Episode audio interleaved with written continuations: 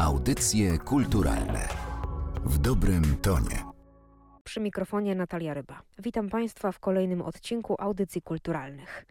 W dzisiejszym podcaście będziemy się inspirować, a to dzięki konkursowi Lokalne Inspiracje Odkryj swój skarb, którego organizatorem jest Narodowe Centrum Kultury. Konkurs wyłania najciekawsze projekty edukacyjno-kulturalne pozwalające poznać działania w lokalnych obszarach. Te działania mają na celu aktywizację lokalnej społeczności. Dziś porozmawiamy o dwóch z nich. Pani Ewa Mielcarek z Gminnego Centrum Kultury imienia Anny Sojko w Dobroszycach i przedstawicielka Fundacji Waszka opowie o projekcie Tropy i Cienie. Następnie rozmowa z panią Aleksandrą Stępińską z Muzeum Pojezierza Myśliborskiego. Pani Aleksandra opowiedziała o projekcie Kurka na talerzu ceramiczne dziedzictwo Myśliborza. Zapraszam.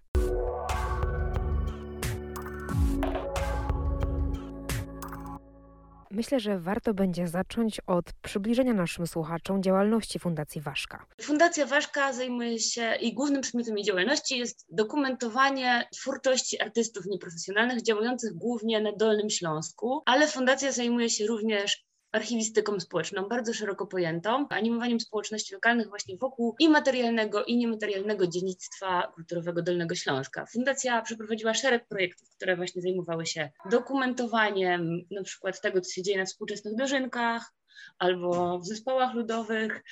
W powiecie przeprowadzaliśmy badania terenowe etnograficzne z twórcami nieprofesjonalnymi, z śpiewakami, z rzeźbiarzami, z malarzami, też z hafciarkami, paniami, które zajmują się wyszywaniem albo z pisankarkami, ale też robimy takie projekty, które opierają się właśnie o dziedzictwo Dolnego Śląska materialne, czyli o zabytki w dużej mierze, albo o dziedzictwo poprzemysłowe, czyli mieliśmy takie projekty, które były skupione wokół działalności zakładów pracy, które albo już nie istnieją, albo są w fazie takich bardzo trudnych przekształceń. Przechodząc już teraz do projektu Tropy i Cienie, skąd w Pani pojawiła się taka potrzeba, żeby właśnie w ten sposób, za pomocą konkretnych działań zaangażować lokalną społeczność? No ja jestem z Dobroszyc i widzę taki, czyli z miejsca, w którym się ten projekt zadział, to jest moja gmina, wychowałam się tutaj i widzę taki duży brak zajmowania się tym ze strony różnych, myślę, instytucji, nie tylko instytucji kultury, ale różnych, różnych po prostu instytucji, zajmowania się po prostu tematem zabytków, tego trochę trudnego dziedzictwa, które zostało po poprzednich mieszkańcach tej gminy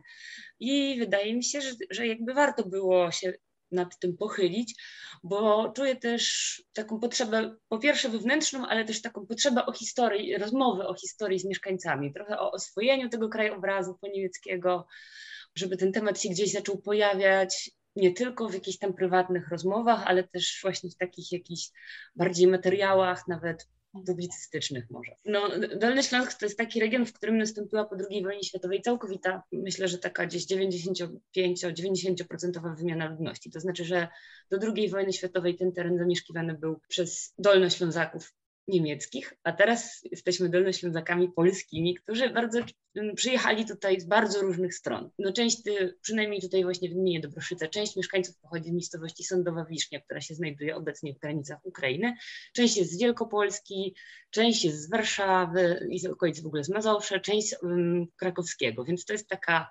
mieszanka bardzo ciekawa, która współtworzy jakby tutaj ten nasz lokalny koloryt, w związku z czym na przykład bardzo trudno było mm, wybrać zespołowi, jednemu z zespołów ludowych strój ludowy, którym chcę występować, bo się nie, mogli, nie mogły panie zdecydować, czy z Rzeszowskiego, czy skądś. Także to jest bardzo ciekawe.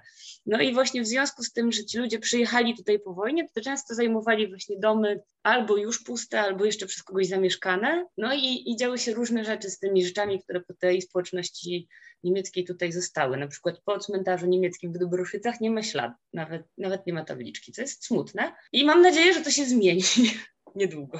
Mogłaby Pani opowiedzieć nieco więcej o tytule projektu? Trochę tropiłyśmy te y, miejsca, w których ta niemiecka pamięć przemawia, bo to jest mała gmina, która nie, nie ma jakichś tam wielkich zabytków poza pałacem książąt leśnickich, którzy tutaj mieli swoją rezydencję. Y, są to raczej takie obiekty jak kapliczki, jak właśnie pozostałości po cmentarzu, więc trochę to było takie tropienie i takie gonienie cieni tych poprzednich mieszkańców właśnie, którzy, nie wiem, gdzieś wyglądają z starej szafy albo z tapety. To tropienie polegało też na tym, że zebraliśmy mieszkańców na dwie wycieczki rowerowe, właśnie śladem tych obiektów zabytkowych, które pozostały po tych niemieckich mieszkańcach właśnie gminy Dobroszyca. Warsztaty z mm, uczniami szkół podstawowych w Dobroszycach i w Dobrzeniu oraz warsztaty takie właśnie dla świetlicy wiejskiej w Siekierowicach, na których właśnie pracowaliśmy nad tym, co ciekawego jest w tych miejscowościach i nagraliśmy podcasty.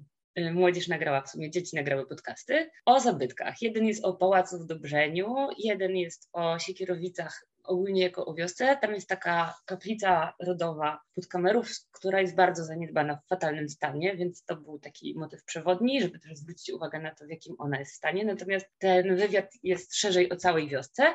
Jeden jest o Pałacu Książąt Oleśnickich, który się znajduje w Dobroszycach. I mhm. powstał też film poprojektowy, bardzo miły, pięknymi zdjęciami. Trochę są tam dzieci, opowiadają o tym, dlaczego się zgodziły, dlaczego tu jest fajnie. Trochę opowiada pan, który prowadził warsztaty fotograficzne dla dorosłych. To była też część tego projektu. To były takie warsztaty, na których dorośli uczyli się fotografować, właśnie zwracać uwagę tak po reportersku na to, co ich otacza. To było bardzo ciekawe i z tych potem zdjęć stworzyliśmy po pierwsze galerię na Facebooku, a po drugie część tych fotografii, w sumie najlepszych chyba 18 albo 24 najlepsze fotografie zostały wydrukowane na takich planszach i wywieszone, bo niestety to jakby koniec tego projektu przypadł na szczyt, nie wiem już której fali koronawirusa, to było dokładnie rok temu, w związku z tym wystawa się nie mogła odbyć tak, jak było zaplanowane stacjonarnie, tylko zrobiliśmy ją w oknie po prostu Gminnego Centrum Kultury, żeby ludzie mogli przyjść i obejrzeć te fotografie i podsumowanie już tego projektu, którym było spotkanie z Karoliną Kuszyk, ona napisała książkę właśnie po niemieckim dziedzictwie pod tytułem po niemieckie, odbyło się już online. Czy przewidywane są jakieś kontynuacje tej działalności? Mam taką nadzieję. No w tej chwili realizujemy taki projekt w ramach programu Blisko, to jest Narodowy Program Rozwoju Czytelnictwa 2.0 i zamierzamy, ponieważ efektem w ogóle naszego projektu była taka mapka, ale chcemy na tę mapkę zabytków nałożyć taką mapkę dziedzictwa przyrodniczego. Wyciągnąć też, nie wiem, pomniki przyrody, które są tutaj w okolicach, te obszary takie chronione, żeby jakby uzupełnić to co zrobiliśmy takim nowym, nową warstwą. Wszystko jest dostępne na stronie internetowej www.fundacjawaszka.org, więc tam można je znaleźć. I tam jest też mapka do pobrania, więc jakby ktoś chciał przyjechać i pobrać sobie mapkę online, to też może. Mam też jeszcze trochę mapek u siebie. Jeszcze o jednej rzeczy nie powiedziałam, że trzy najlepsze zdjęcia, które mieliśmy, wydrukowaliśmy z tej wystawy w formie pocztówek takich dobroszyckich. I to jest fajne, że na tych zdjęciach nie ma takich standardowych obiektów, tylko są na przykład pozostałości po młynie, takie koła młyńskie właśnie z niemiecką, niemiecką sygnaturą. W złym stanie technicznym dworzec kolejowy, albo właśnie taki stary dom z czerwonej cegły, który jest w takiej wsi malowniczej Mależów w środku lasu. Więc to są takie obiekty, które wydałyby się nieoczywiste, a jednak dla autorów tych zdjęć one wydawały się ważne. Po zakończeniu projektu, jakie ma Pani wnioski i refleksje na temat tego, co się wydarzyło w trakcie jego trwania, a także czy wie Pani, jak ten projekt odebrali mieszkańcy? Wydaje mi się, że jest w ogóle potrzeba tutaj na terenie w którym mieszkam, mm, zwrócenia się w stronę tej historii i przed i tuż powojennej, ponieważ po pierwsze sprowadza się bardzo dużo nowych osób na teren gminy, bo ona jest bardzo atrakcyjna i lokalizacyjnie i tak infrastrukturalnie, w sensie, że jest szkoła, ośrodek zdrowia, wszystko na miejscu i bardzo blisko Wrocławia. W związku z tym jest taka potrzeba, żeby ci nowi mieszkańcy też poczuli się częścią, poczuli część historii tej miejscowości, tak? I jakby identyfikujemy to jako takie pole do działania na przyszłość, żeby właśnie aktywizować ludzi wokół tego dziedzictwa, żeby ono też budowało jakoś ich tożsamość jako mieszkańców Dobroszyc, gminy Dobroszyce w ten sposób. Wiem, że jest potrzeba bardzo silna takich spacerów po samej wsi, po Dobroszycach, w których właśnie opowiemy, o tu była restauracja, a tu był, tu mieszkał fryzjer, a tu chodziliśmy do pracy, a tutaj jak, a tu kiedyś była szkoła, bo szkoła też zmieniła lokalizację, więc wiem, że jakby są takie głosy, które mówią, zwróćmy uwagę na tę lokalną historię, poznajmy ją lepiej albo opracujmy ją może trochę lepiej, trochę bardziej szczegółowo.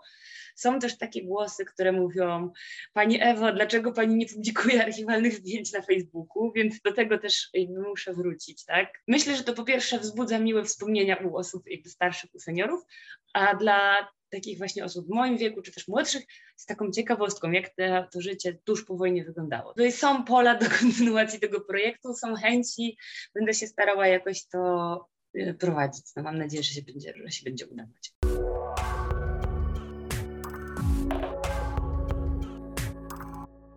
Kiedy właściwie możemy zaobserwować takie pierwsze ceramiczne ślady na terenie Myśliborza? Oj, to są bardzo, bardzo dawne dzieje, bo to jest nawet okres e, średniowiecza.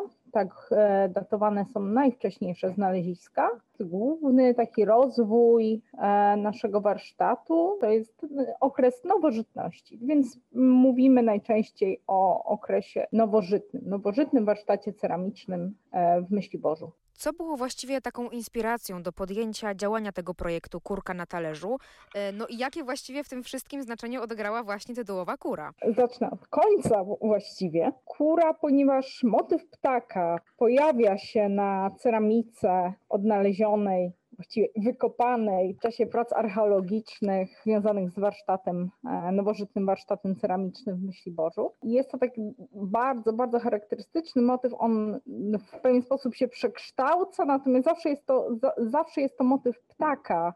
My to trochę tak przekornie nazwaliśmy kurką na talerzu, ponieważ to najbardziej chyba nam obecnie kojarzy się z jakimś jedzeniem, tak, z czymś, co może leżeć, leżeć na talerzu. Natomiast czy to jest tak naprawdę kurka, no tu głosy są podzielone, nawet tak jak wśród pracowników oglądamy te talerze, którzy widzą w tym rybitwę, inni widzą e, powiedzmy e, gołębia.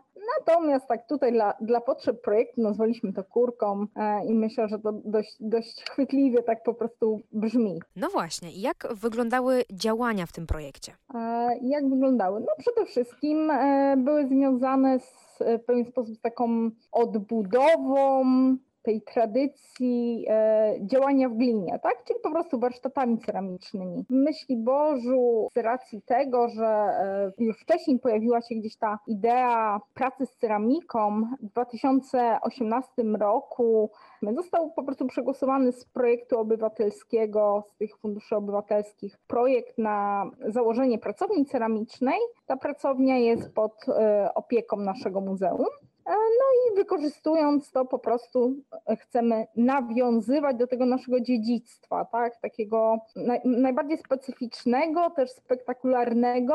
Dziś możemy w naszym muzeum obserwować, oglądać e, zabytki archeologiczne, właśnie te talerze, garnki pochodzące z tego nowożytnego warsztatu ceramicznego i właśnie do nich chcemy się odwoływać. To było takie naj, najbardziej nasze założenie i, i tak zaczęły się te warsztaty. Rozumiemy to takie odbudowywanie dziedzictwa, tak, czy powoływanie się na dziedzictwo e, w bardzo szeroki sposób, nie bezpośrednio, tylko tak stosując te takie powiedzmy tradycyjne wzory, Natomiast bardzo, bardzo szeroko, po prostu działając w glinie, produkując tą ceramikę. Po skończeniu tego projektu, przede wszystkim po pierwsze, jakie wnioski się Pani nasuwają jako komuś, kto organizował tę działalność, a po drugie, czy spotkała się Pani z jakimiś zdaniami samych uczestników, czy im się podobał taki projekt? Przede wszystkim e, w wyniku tych działań no, udało nam się przywrócić tą pamięć o tym warsztacie, tak? Pomimo że warsztat został odkryty w latach 90., to były lata 96-97, e, to tak naprawdę te obiekty były w naszym muzeum. Każdy, kto przyszedł, to wiedział, że, że coś takiego było, natomiast takiej ogólnej świadomości mieszkańców Myślę, że nie do końca to gdzieś się przebijało, a dzięki temu, że tutaj powstał nasz współczesny warsztat, dzieci zaczęły chodzić na zajęcia, zaczęli uczęszczać na nie również dorośli, to tą świadomość budowało i myślę, że to jest takim naszym no, zwycięstwem. Na pewno też to, że, że to jest bardzo takie namacalne, fajne, przyjemne, tak, e, pracować z, tą gliną, wi widzieć efekty tego, więc e, myślę, że takie przyjemne z pożytecznym, tak, bo zajmowaliśmy jakoś twórczo dzieciom, e, dorosłym również czas.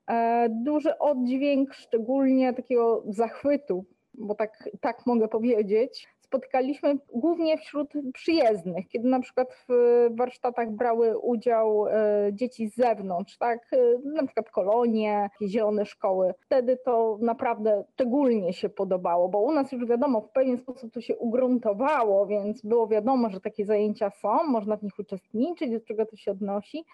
Natomiast to bogactwo i różnorodność zarówno tego historycznego warsztatu, kiedy o nim mówiliśmy, pokazywaliśmy zdjęcia tak naszych eksponatów, jak również podczas zajęć, kiedy dzieci już same coś tworzyły, to było naprawdę zawsze coś takiego, co przyciągało do naszego miasta, myślę, i dalej będzie przyciągać.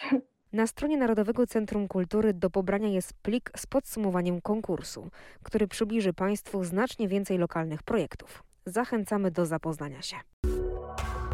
Audycje kulturalne w dobrym tonie.